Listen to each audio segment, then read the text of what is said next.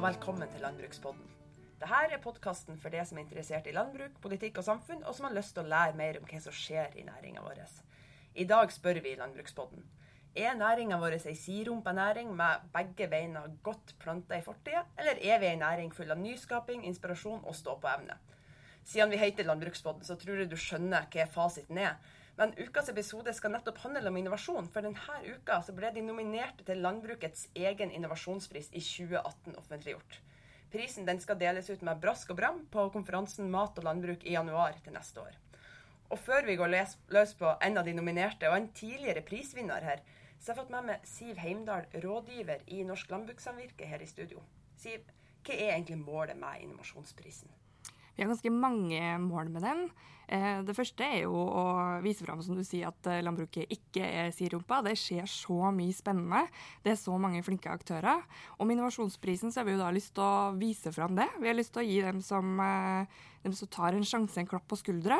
Og fortelle at i landbruket det er det som er fremtida, for det tror vi ordentlig på. Og vi har lyst til å bruke denne prisen da, til å være med å oppmuntre til videre innovasjon, så at da landbruket kan bli det grønne skiftet. Hvor lenge har dere delt ut denne prisen? Vi skal nå dele den ut for fjerde gang. Har det vært, er det liksom, når dere sitter der, er det vanskelig å finne eh, potensielle vinnere? Må dere digge deep, skulle jeg eller kommer de rekende på ei fjøl? Vi får ganske mange gode tips, eh, og så følger vi jo ganske mye med sjøl også. Eh, og det er masse spennende der ute, så i år så har det vært skikkelig skikkelig vanskelig å velge ut tre nominerte. Men eh, juryen klarte til slutt. Jeg tror det har vært litt diskusjoner, men de har da havna på tre veldig gode kandidater. Og Vi skal jo få eh, helse nærmere på en av de, men jeg må bare spørre til slutt. Er, prisen skal jo deles ut i januar. Den nærmer seg jo. Det gjør det. Hva er prosessen fram mot eh, prisutdelinga når juryen skal gjøre den aller siste finsilinga og finne den verdige vinneren? Eh, nå har de en stor jobb foran seg. De skal ringe referanser, og de skal gjøre research. Og de skal da diskutere seg imellom og finne ut eh, hvilken innovasjon de har mest trua på, har størst potensial. Så det blir veldig spennende hva de finner ut. Vi i Norsk Landbrukssamvirke vet ikke, det er juryen som bestemmer. Så vi gleder oss veldig til 16.1 når vinneren skal kåres det kommer vi garantert til å følge tett med på òg i Landbruksbåten.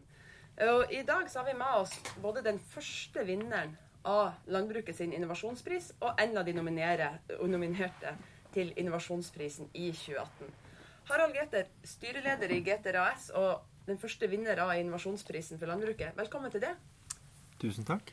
Og Hans Christian Vestrum, styreleder i Soilsteam International AS og nominert til Landbrukets innovasjonspris i 2018. Hjertelig velkommen til Landbruksboden. Tusen takk. Harald og Hans Christian, før vi dukker ned i deres oppfinnelse, så har jeg lyst til å spørre om en ting som jeg egentlig har lurt på ganske lenge.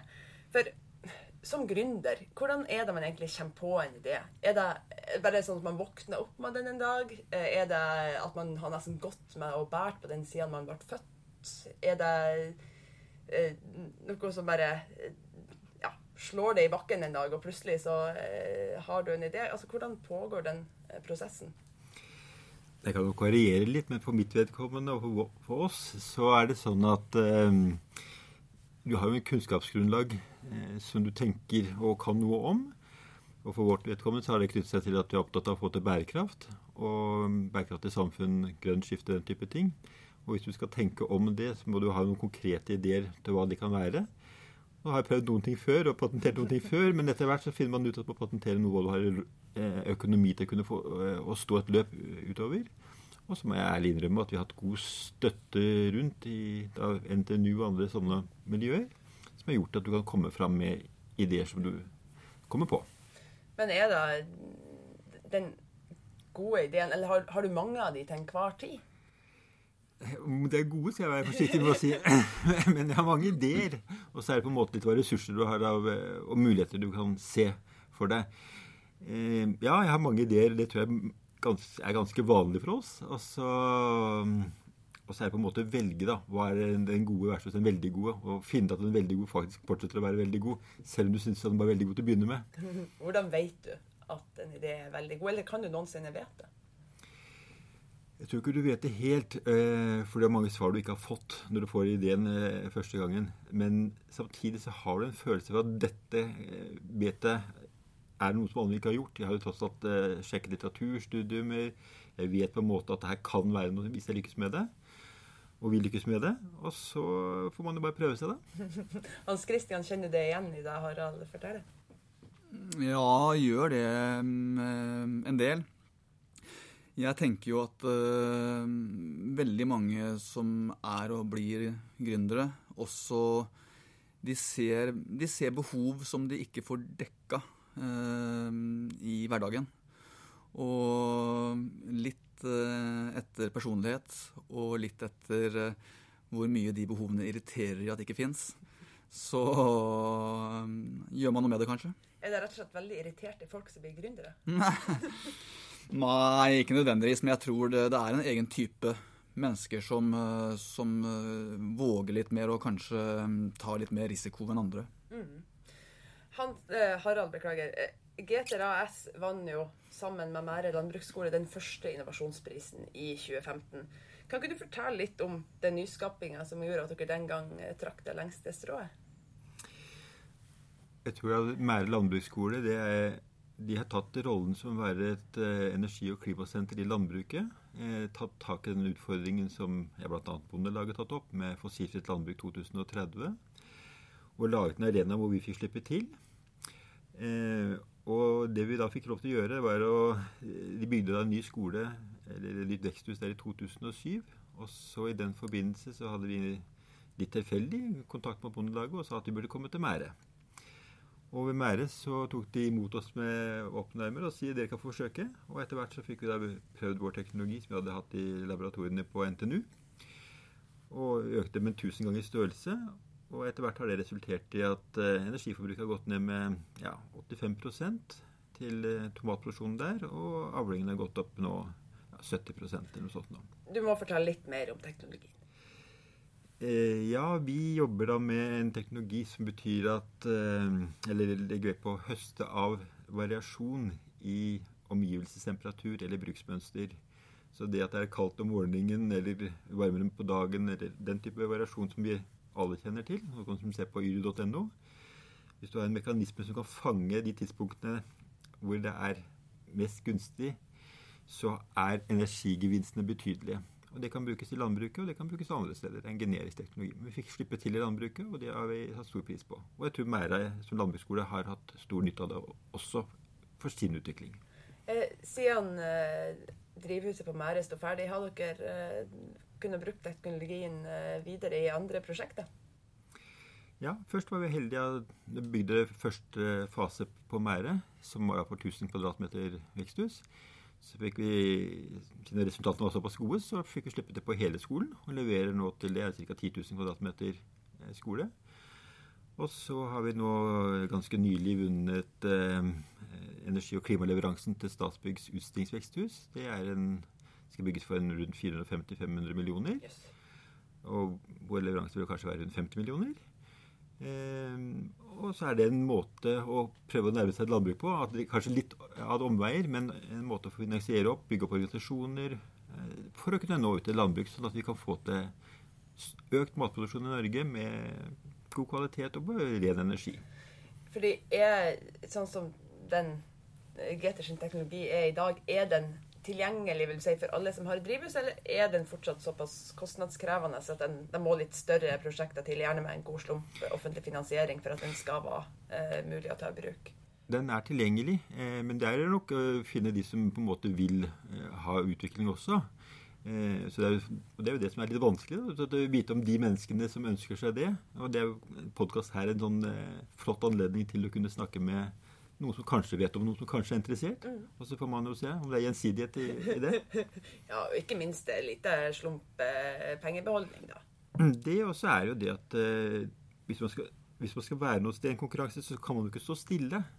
Så det samfunnet vi skal ha, og de som skal være i veksthus eksempelvis, de må jo bevege seg og gjøre noe annet. Eh, og da tror jeg vi kan bidra til at de kan bli enda bedre enn hva de er nå. Det er gått uh, noen år siden dere fikk innovasjonsprisen. Eller Mære fikk mm. den, men dere uh, var jo åpenbart en mm. del av teamet. Uh, hvor er GTR AS i dag sammenlignet med for tre år siden? Prisen har betydd mye. Oppmerksomheten har betydd mye. Den har jo gitt bl.a. oppslag eh, på fem sider i Aftenposten. Jeg tror ikke vi hadde fått det uten. Eller hvem vet, men det er iallfall ikke sikkert. Og det gjør på en måte at du er med og, og lager et bredere lag av folk som kan stille opp og rundt og vet om ting og sånt nå, og løfter oss fram. Og det at vi f.eks. i 2016 var med å vinne FutureBuild 2016-prisen, som nå er rundt verdens arkitekturpris i Berlin nå i november 2017, er med på en sånn reise. Så du vet ikke hvilken stein som er på en måte i trappen som er akkurat den som løfter deg til utsikten. Men eh, alle steiner på veien som du kan ha som stepping stones, er verdifulle. Det, har du noen eh, planer om neste store innovasjon i selskapet, eller er dere fortsatt på å finjustere eh, den opprinnelige innovasjonen? Vi har hatt så godt samarbeid med Mære og Nord-Trøndelag fylkeskommune at vi sammen nå har gått videre på en ny fase og skal bygge mer på FU-anlegget der oppe. Og fått Enova med på laget for det nye teknologiprogrammet der fikk vi nå i høst. Så det er den neste fasen. Skal bygge en, en ny type oppfinnelse vi har, satt sammen med det øvrige. Du er litt hemmelighetsfull når du sier en ny oppfinnelse. Er det med vilje, eller er det fordi at uh, du Nei, jeg mente ikke å være det, egentlig, men uh, det er rett og. Ja, det er hyggelig, det. Nei, det er rett og slett at vi er systeminnovasjon. Så det betyr at når du noen ting er sånn en dings som du endrer, og så har du funnet opp det. Mm. Men andre ganger så skal du faktisk endre systemet, og da er det flere elementer som må til. Og nå har vi funnet opp en ny ting som passer inn i det øvrige. Så alt i alt så er det mer helhet over det nå. Ja, jeg er fortsatt like blank, men vi ja, Det får bli en egen, egen podkast når dere kommer i gang. Ja. Eh, Hans Christian, Soilsteam er en av de tre nominerte til Innovasjonsprisen 2018. Jeg må bare spørre først, Blir du ekstra håpefull når du hører Harald fortelle om eh, hva prisen betyr for Geter? Ja, det gjør jeg. Og jeg vet jo litt om hva presse gjør eh, rundt en sånn, eh, en sånn utmerkelse. Og, og, nå er jo prisen også blitt enda mer satt, og mer, eh, kanskje mer renommert også, for det har blitt mer kjent. Så jeg har store forhåpninger om at vi skal, uansett utfall, få et bra utbytte av nominasjonen. Hva er egentlig den løsninga som har gjort at Soilsteam har blitt en av de tre eh, finalistene til å vinne innovasjonsprisen? Vi har, eh, basert på 20 års arbeid med å rense jord med damp, så har vi bygd en maskin som, eh, som klarer å dampe jord ned til 30 cm i en fortløpende prosess ute på jordet. Og det er det ingen andre i verden som klarer. Hvorfor i verdens navn og rike skal man dampe jord? Det er selvfølgelig et, et, spørsmål for å få det til å utbrodere mer om eh, teknologien. Ja, eh, fordi vi har eh, i landbruket, særlig innenfor grønnsaksproduksjon grønnsaksproduksjon, bærproduksjon, store problemer med sopp, nematoder og ugras. Og de blir bare større. Det blir flere og flere plantevernmidler som blir forbudt. Og det blir flere og flere ugrasarter som blir resistente mot, uh, mot plantevernmidlene.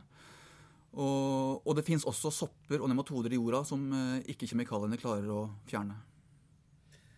Det gjør damp. Nettopp. Hvordan skjer det her i praksis? Må man tømme all jorda gjennom ei maskin som damper, eller kan du stikke dampen ned ja. i jordsmonnet? Det her, det her, er jo det som eh, vi har jobba med i 20 år. Så mm, vi har gjort mange forsøk på det, og vi har også vært i kontakt med de, altså de som uh, har prøvd det her fra før. Uh, vi har en teknologi der vi slipper dampen løs i et telt over bakken og suger dampen ned med vakuum. Eh, fordi damp og vann og jord er veldig komplekst eh, når du skal samspille. Og damp kondenserer når den treffer jord. Og vann renner ned i jorda, og da er effekten med dampinga borte. Så du må klare å føre dampen hele veien gjennom jorda. 20 år, det er jo ganske lang tid. Uten at du skal slippe å dra liksom minutt for minutt. Eh, hva er det, hva er det dere har jobba med alle de her årene? Det er å bygge prototyper. Det, sannheten var at det var eh, min far og to kompiser som starta med det her for 20 eh, år siden. Eh, de var bønder, og de så behovet. Og de forsto at problemet kom bare til å bli større. Så de begynte prosessen, men um, de hadde nok ikke alle de egenskapene som man må ha for å få et så stort prosjekt i havn. Så det er først uh, de tre, ja, to siste årene uh, som vi har samla et team som har all den kunnskapen, og klarer å bygge en sånn maskin som gjør den jobben. Og det er de to siste årene det egentlig har tatt virkelig fart. Hva er det som har vært katalysatoren eh, de to siste årene? At um, vi bestemte at vi trengte et mye større team for å dra det fram sammen. Så vi involverte både ingeniører, vi involverte mekanikere, vi involverte eh, flinke folk på alle de små områdene som vi trengte kompetanse på. Høres ut som du har et svært team rundt deg. Har dere blitt en sånn storbedrift allerede som bare håver inn eh, penger, overskudd og utbytte til eierne? Så lett er det ikke. Nei, så, så, langt så har det vel egentlig bare gått uh, andre veien. jeg på å si. Vi har bare brukt penger, men, uh, men vi har hatt uh, fantastisk støtte. Både Innovasjon Norge og Grofondet skal ha stor ære for at de har trudd på det vi har gjort, og, og fortsatt har det, for så vidt. Så uten dem så hadde ikke vi klart å gjennomføre det her.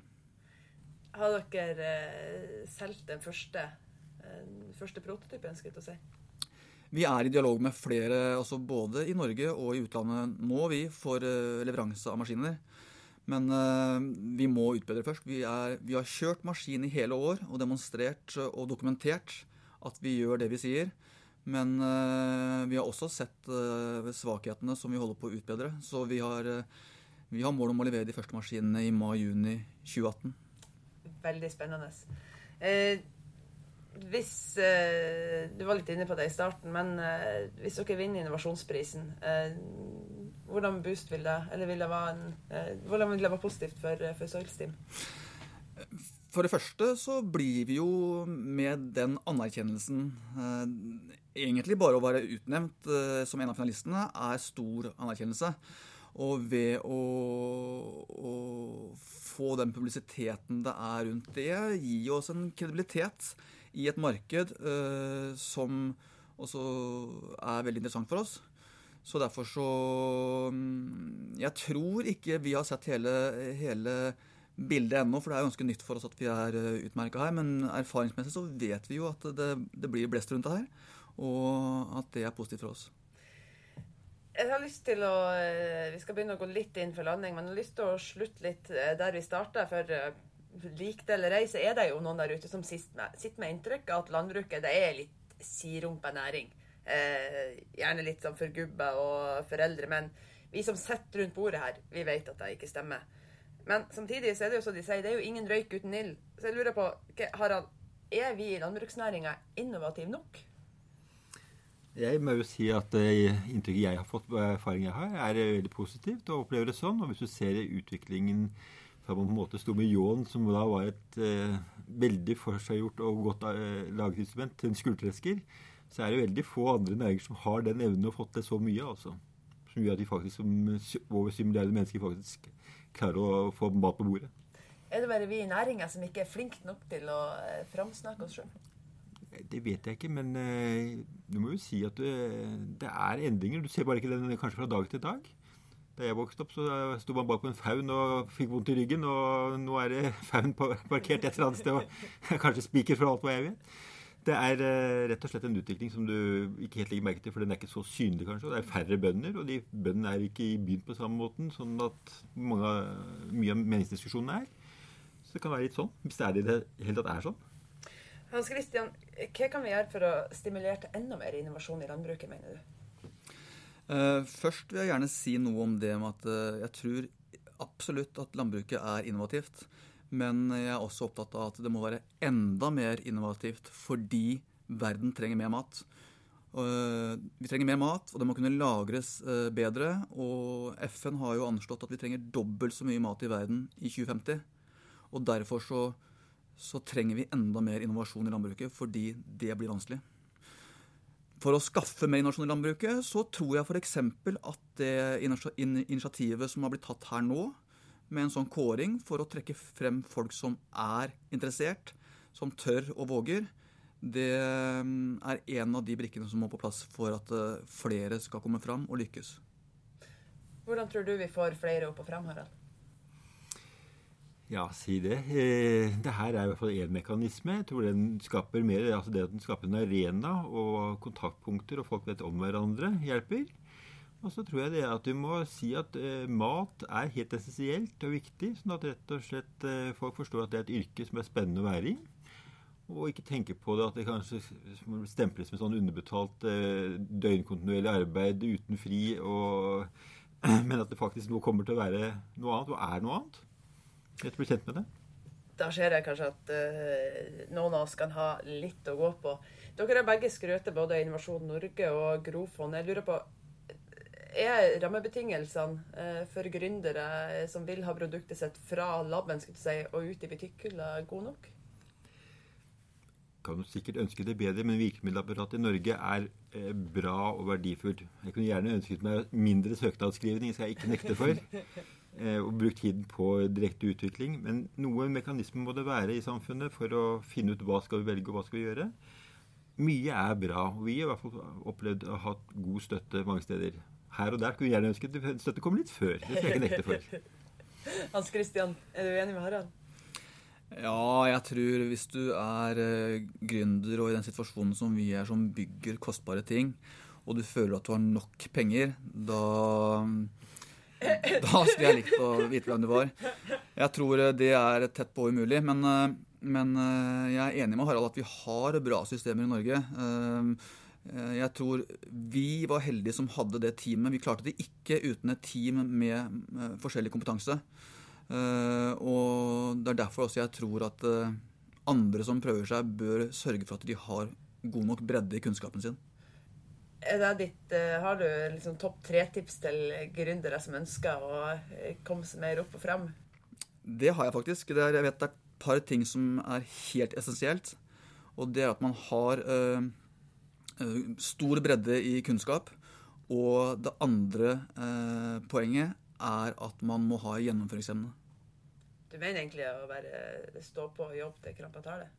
Eh, litt det, men også det at man må kunne levere varen. Man, noen var opptatt med å få den ballen i mål. Harald, noen uh, vise tips til uh, nye gründere der ute? Ja, men, Hvis jeg skulle si noe, så er det hjelpere og medspillere og folk som vil deg vel. Der vil du kanskje ikke tenke mest på det. For vårt vedkommende må jeg jo si at Nord-Trøndelag fylkeskommune hadde ikke tenkt på det som en uh, innovasjonsarena, og at den offentlige sektor på den måten vil hjelpe til som de gjør. All, all honnør til dem, politikere rundt dem, medarbeidere som jobber der, er et sånt type eksempel. Så let på litt andre steder der du tror du skal finne dem, og la folk slippe til. Det, de vil og kan og gjør det. Vår erfaring er iallfall sånn. Kloke ord. Og med det så tror jeg òg at vi sier eh, tusen takk for oss her i Landbruksbåten i dag. Takk til Harald og Hans Christian for dere ble stille. Og så blir det utrolig spennende å se hvem som blir vinneren av landbruket, Landbrukets innovasjonspris 2018. Fasiten den får vi på Mat og landbruk i januar. Landbruksbåten er slutt for denne gang. Tusen takk til deg som hører på. Håper du òg finner veien til oss i neste uke. Du har hørt en podkast fra Norsk Landbrukssamvirke og Norges Bondelag.